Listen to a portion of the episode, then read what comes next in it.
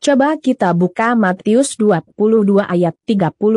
yang isinya Matius 22 ayat 39 dan hukum yang kedua, yang sama dengan itu, ialah kasihilah sesamamu manusia seperti dirimu sendiri. Dan kita coba buka Yohanes 15 ayat 12 inilah perintahku, yaitu supaya kamu saling mengasihi, seperti aku telah mengasihi kamu ayat ini mengingatkan kita bahwa kita harus mengasihi orang lain seperti kita mengasihi diri sendiri dengan kita melayani orang lain, kita juga mengasihi mereka jadi, jika kita ingin mengasihi orang lain kita bisa mengasihi dengan cara melayani orang lain.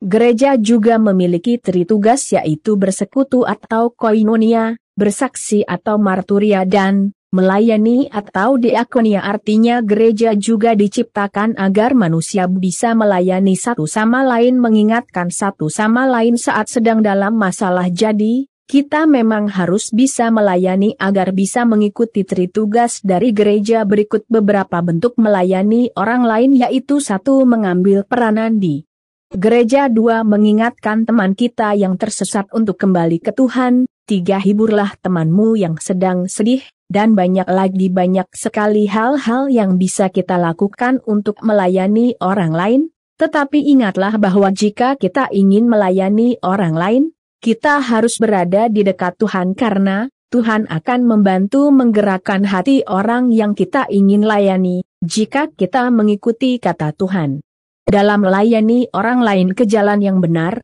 maka dari itu, kita tidak boleh bilang bahwa kita tidak dapat melayani orang lain karena semua orang pasti bisa melayani dalam berbagai cara.